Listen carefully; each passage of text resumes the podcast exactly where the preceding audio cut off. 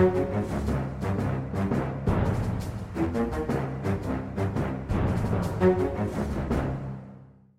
da er vi i gang med Aftenpodden igjen. Jeg er Lars Glomnes. Vi har vanligvis med oss Sara Sørheim, men i dag er det politisk kommentator Thomas Bo Hornburg som er med oss, i tillegg til politisk redaktør Trine Eilertsen.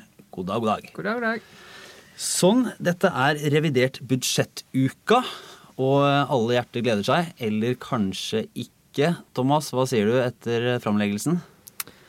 Revidert budsjett i år eh, levde opp til navnet. Det var ikke så mye mer enn en eh, litt kjedelig revisjon. I fjor så brukte Frp eh, og finansministeren anledningen til å fremme masse Frp-politikk.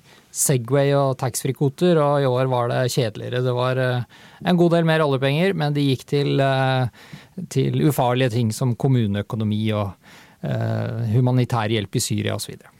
Er det en bevisst Eh, bevisst eh, henvendelse til sentrum. At man ikke pusher og provoserer med, med sånne Frp-forslag som, eh, som, Venstre og KrF i fjor rista på huet av?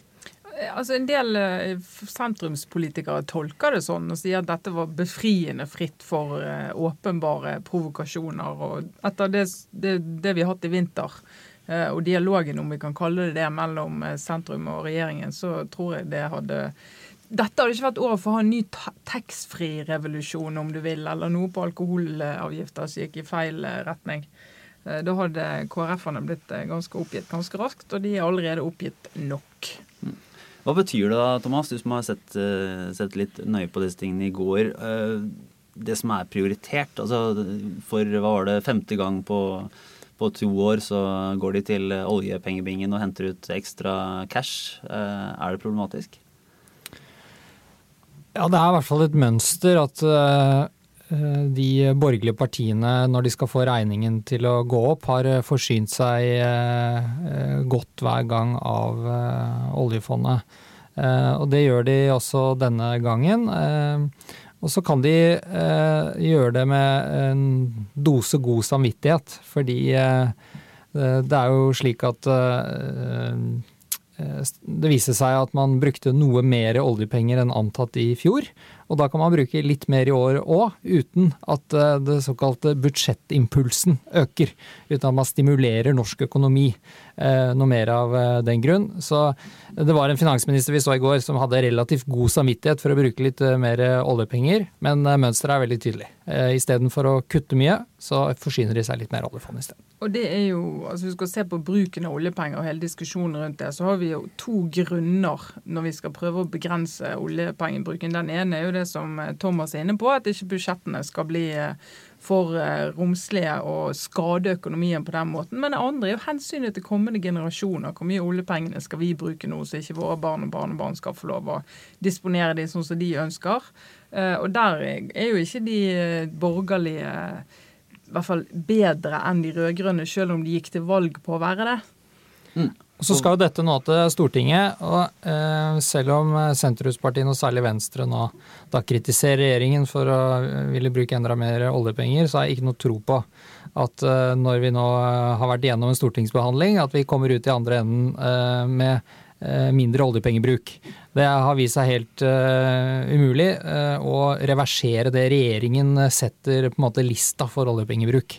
Uh, det kommer ikke til å være sånn at man bruker mindre penger på kommunene eller mindre penger på Syria eller mindre penger på noe av det som regjeringen legger opp til, i hvert fall i store summer.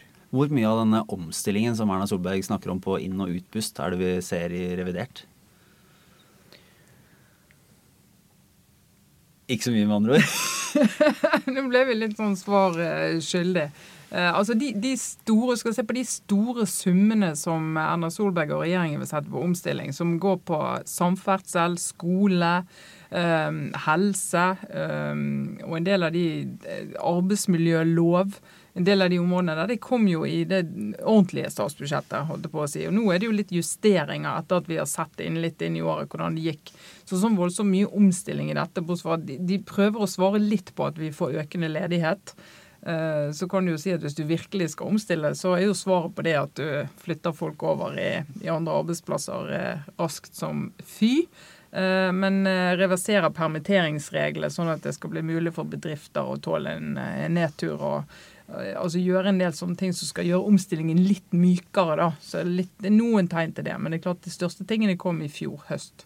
En av de tingene som ble en kjempesnakkis i fjor, var denne poseavgiften. Som, som, de rett etter å ha lagt den frem, så sto partilederne på borgerlig side og nærmest kjempet med hverandre om å ikke ta ansvar for at den ble innført.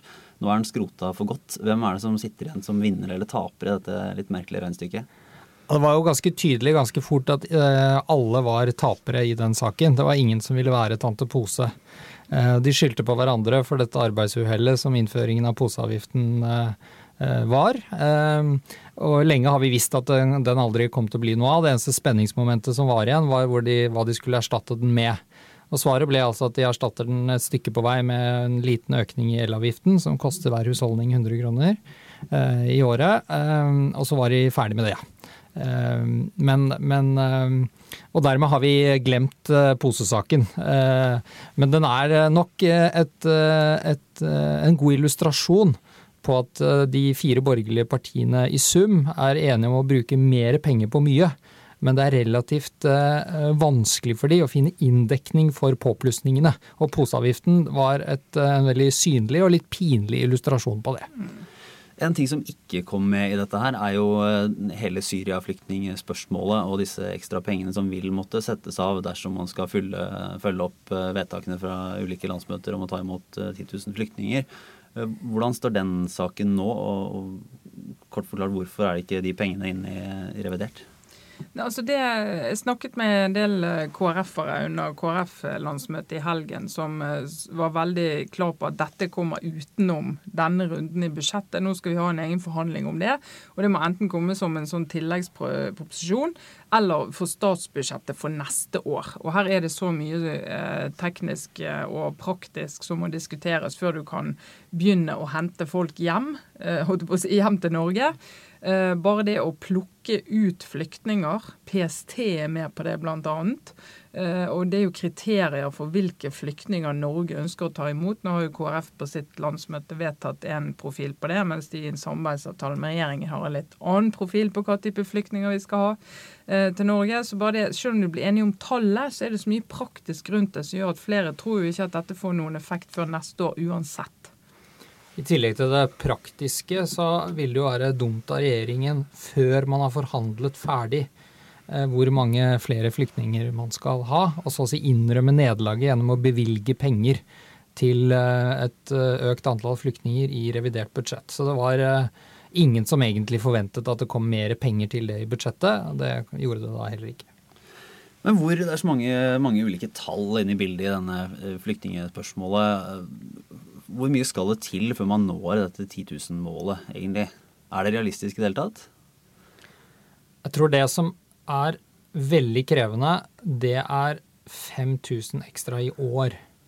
Eh, det vil overraske meg hvis den enigheten man på en eller annen måte er nødt til å komme frem til i Stortinget, innebærer at man øker antallet kvoteflyktninger fra Syria mye i år.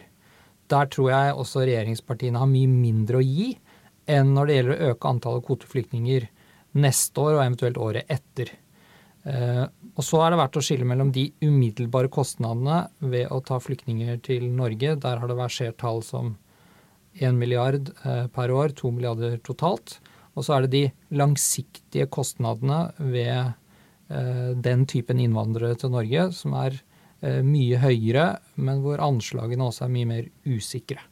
Det var jo en sak i i Aftenposten denne uken der man gikk gjennom muligheten for at Fremskrittspartiet kunne ta en dissens, altså sånn som SV gjorde i, i innvandringsspørsmål for et par tilfeller, hvis jeg ikke husker feil.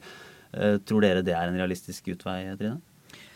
Altså Det er i hvert fall en mulighet som jeg tror alle små partier i en regjeringskoalisjon er seg veldig bevisst. Eh, for når ting virkelig blir satt på spissen, så har du den muligheten til å si at greit, vi går ikke ut av regjering, men vi vil markere uenighet.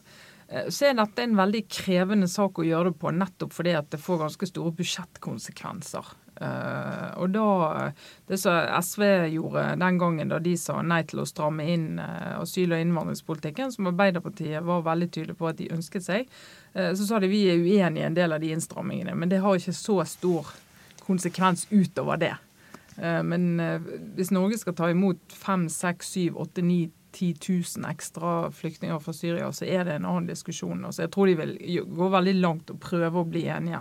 Men det som er spennende, er jo hva Frp vil ha tilbake hvis de skal gi mer. I høst så ble, fikk jo KrF gjennomslag for at de, vi skulle ta imot 500 ekstra flyktninger. Det var jo bare de og Venstre og SV eh, som ville ha det.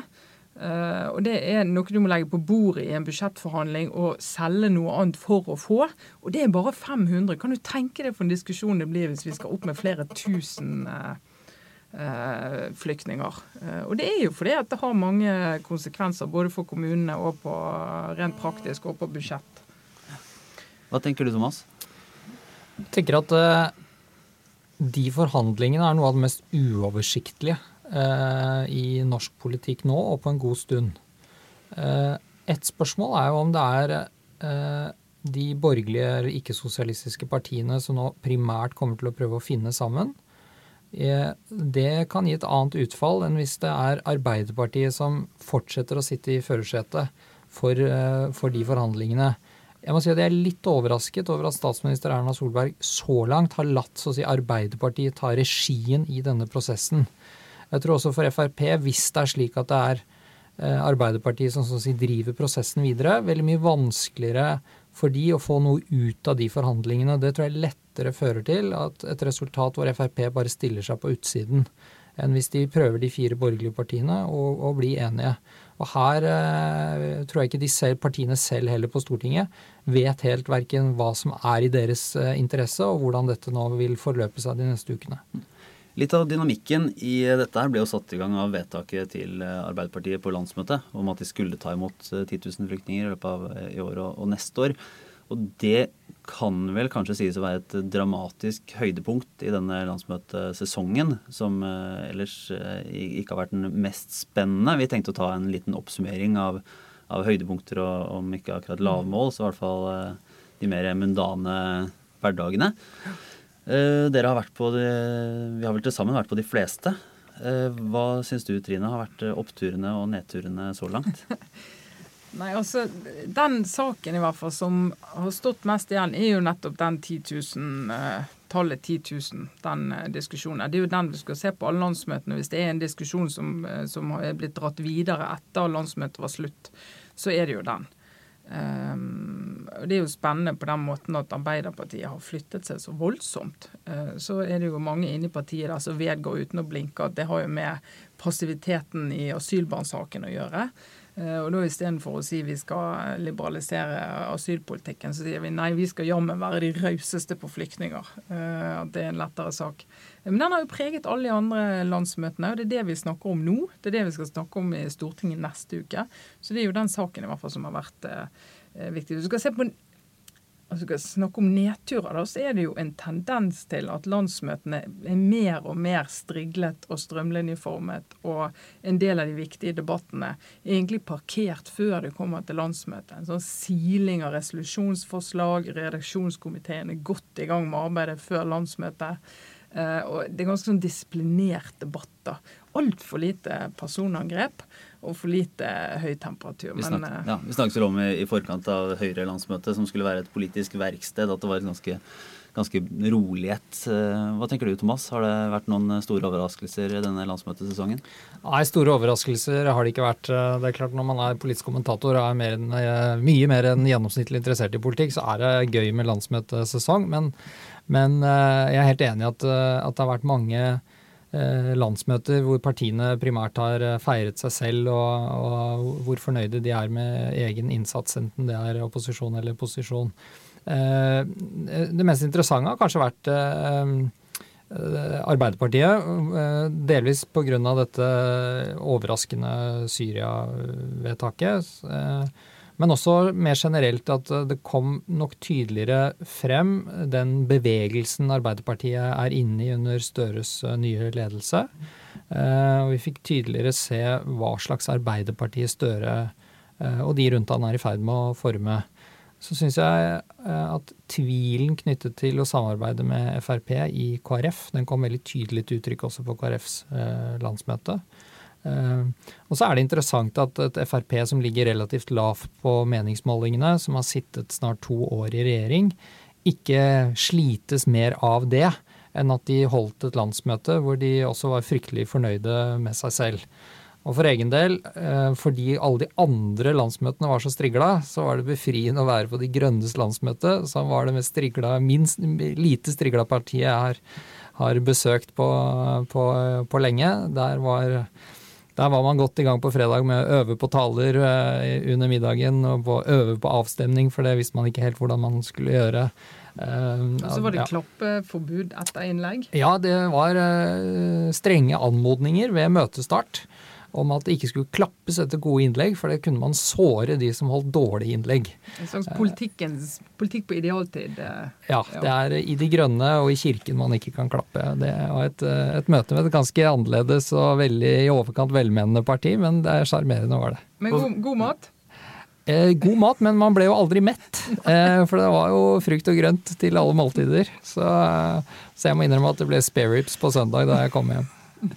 Og du var på KrF-landsmøte. Du ja, kom hjem var, og var tørst? Nei, ja, det, det, si, vanligvis er man jo lett det. Og i gamle dager, eh, vet du, da var det skjenkering rundt pressebordet på KrF-landsmøtemiddagene.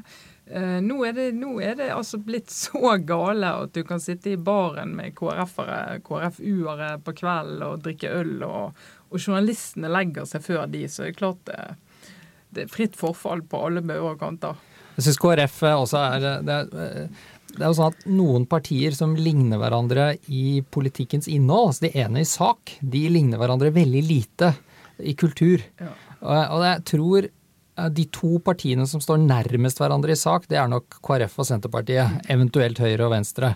Men på landsmøtene så er det ikke noen partier som skiller seg mer fra hverandre enn KrF og, og Senterpartiet. Selv om KrF-erne drikker mer enn før, så er de relativt forsiktige. Det er ingen som er på fylla på KrF-landsmøtet. Altså. Men, eh, men, Senterpartiet, som jo har holdt til i Haugesund, de går ikke og legger seg på tre døgn. Nei, de legger seg ikke. Og de har og KrF de starter dagen med ord for dagen halv ni også søndag. Uh, mens Fremskrittspartiet starter klokken ti søndag. I Senterpartiet starter man med tyggegummi og cola. Ja, og går gjerne rett på. Senterpartiet er jo kjent for dette. Jeg har jo vært på landsmøter der, der folk har stått og dansa uten musikk en halvtime etter at uh, alt var stengt. Og, og, og nachspiel på partilederens uh, suite til langt ut på morgenkvisten. Der er det vel nesten et en forutsetning hos partilederen at, uh, at, man kan holde ut en fest og likevel stå opp og være sammenhengende på, på landsmøtedebatten. Morgenen etter. Eller i Politisk kvarter, som jo Senterpartiet Forrige Senterpartilederen hadde en finseansetter. En fest i partiet. Og Den brant hun seg på. Da måtte hun den, den erkjenne at hun hadde nok ikke burde sagt det hun sa. Hun hadde vært litt sent oppe kvelden før. Ja åpen om det. Det syns jeg er sympatisk. Det er sympatisk. Det gjør det veldig krevende å gjøre en god jobb på Senterpartiets landsmøter, for at man må da gå døgnet rundt. Det er ikke min sterke side. Så jeg følte at det var veldig mye lettere på De grønnes, hvor jeg var eh, flere rundt meg som eh, trente om morgenen og gjorde yoga eh, før frokost. Eh, Men der måtte man si fra hvis man eh, ikke var veganer eller vegetarianer, i den forstand at hvis man ville ha fisk? Ja, og hvis man spurte om hva slags fisk det var, så fikk man ikke svar laks eller torsk eller andre vettuge svar, men man fikk beskjed om at det var økologisk.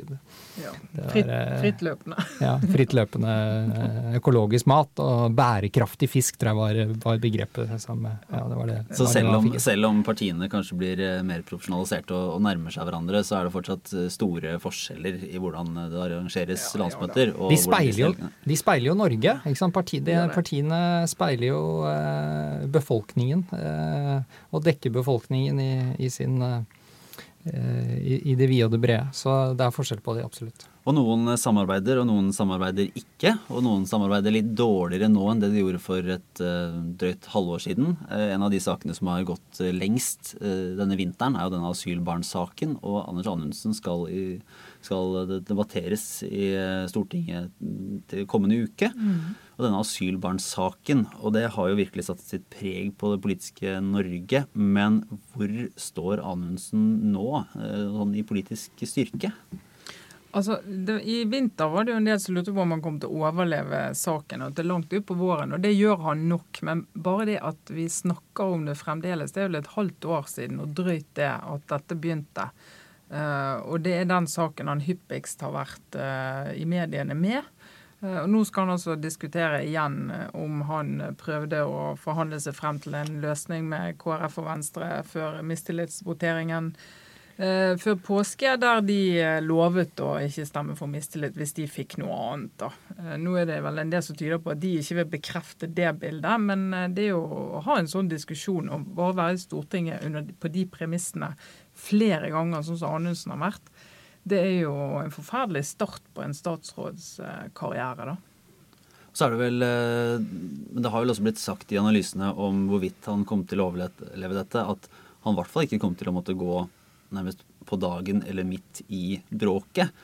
Eh, hvilket skulle vel bety at dersom Erna Solberg hadde bestemt seg for at Anundsen var en statsråd hun ville ha byttet ut, så er det jo først i etterkant av dette endringen ville skje.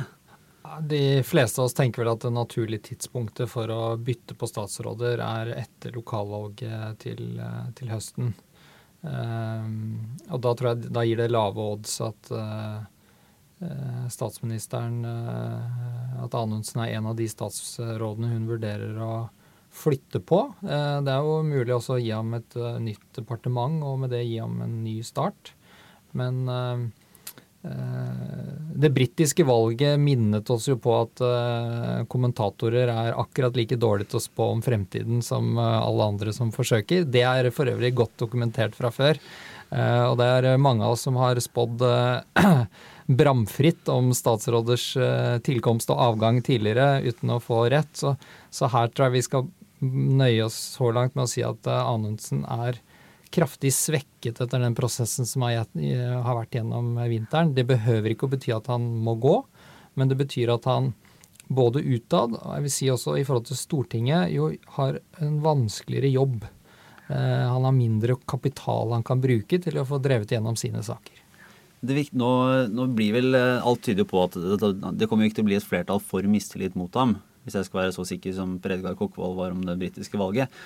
Eh, men hva betyr det dersom man får et sånn såkalt daddelvedtak og får kritikk? Det, hva ligger i det? Er det sånn som sårer en, en mann som Anundsen? Altså, det er jo det nærmeste. Det er jo trinnet før mistillit. Uh, Pussig ord for øvrig. Slo det opp. Det har jo ingenting med dadler å gjøre.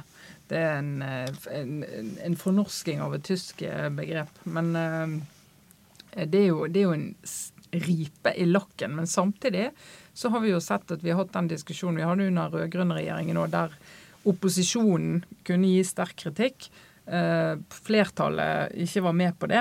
Og da går statsråden ut av det med en sånn Eh, aura rundt det som handler om at dette er helt politisert. Altså det, er, det går langs partiskillet, det går langs for eller mot regjeringen.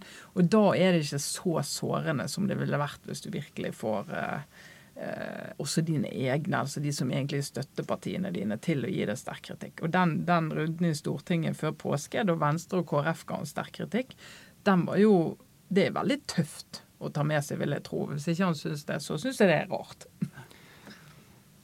Det kan sammenlignes med et ansettelsesforhold, hvor eh, eh, daddelvotum det er skriftlig advarsel, mens mistillit det er oppsigelse. Eh, og akkurat når det gjelder Anundsen, så tror jeg vi skal skille mellom det som burde gått inn på ham, og det som faktisk går inn på ham. I hvert fall utad så fremstår han jo som en statsråd som tar dette med knusende ro. Nå vil jeg tippe at på kammerset så gjør det inntrykk, også for en som sitter på Stortingets eh, nåde i en mindretallsregjering at han var såpass nær å bli kastet av Stortinget eh, som det han var. Mm.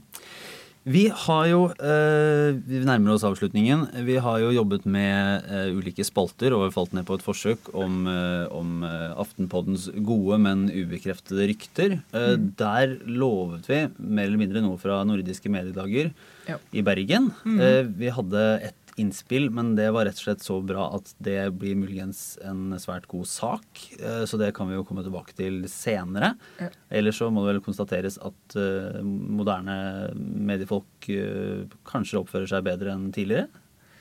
Ja, det kan du si. Det kommer litt an på hvor lenge du holder ut. Men eh, det var i hvert fall ikke, vi har ikke noe som passer inn i den spalten, bortsett fra denne saken som eh, nå kommer, da, som var veldig god. Det er jo en god teaser for en kultursak som kommer i en avis nær deg snart.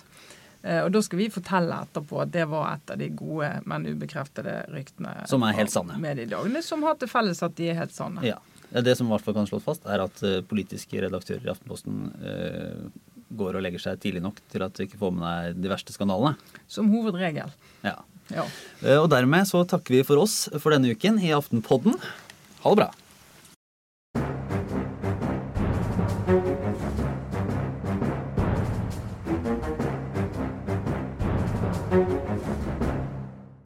En liten ekstra beskjed. Dersom du hørte på denne episoden i iTunes, kan du gjerne søke opp Aftenpodden og abonnere. Da vil du få neste episode rett i telefonen din når den kommer.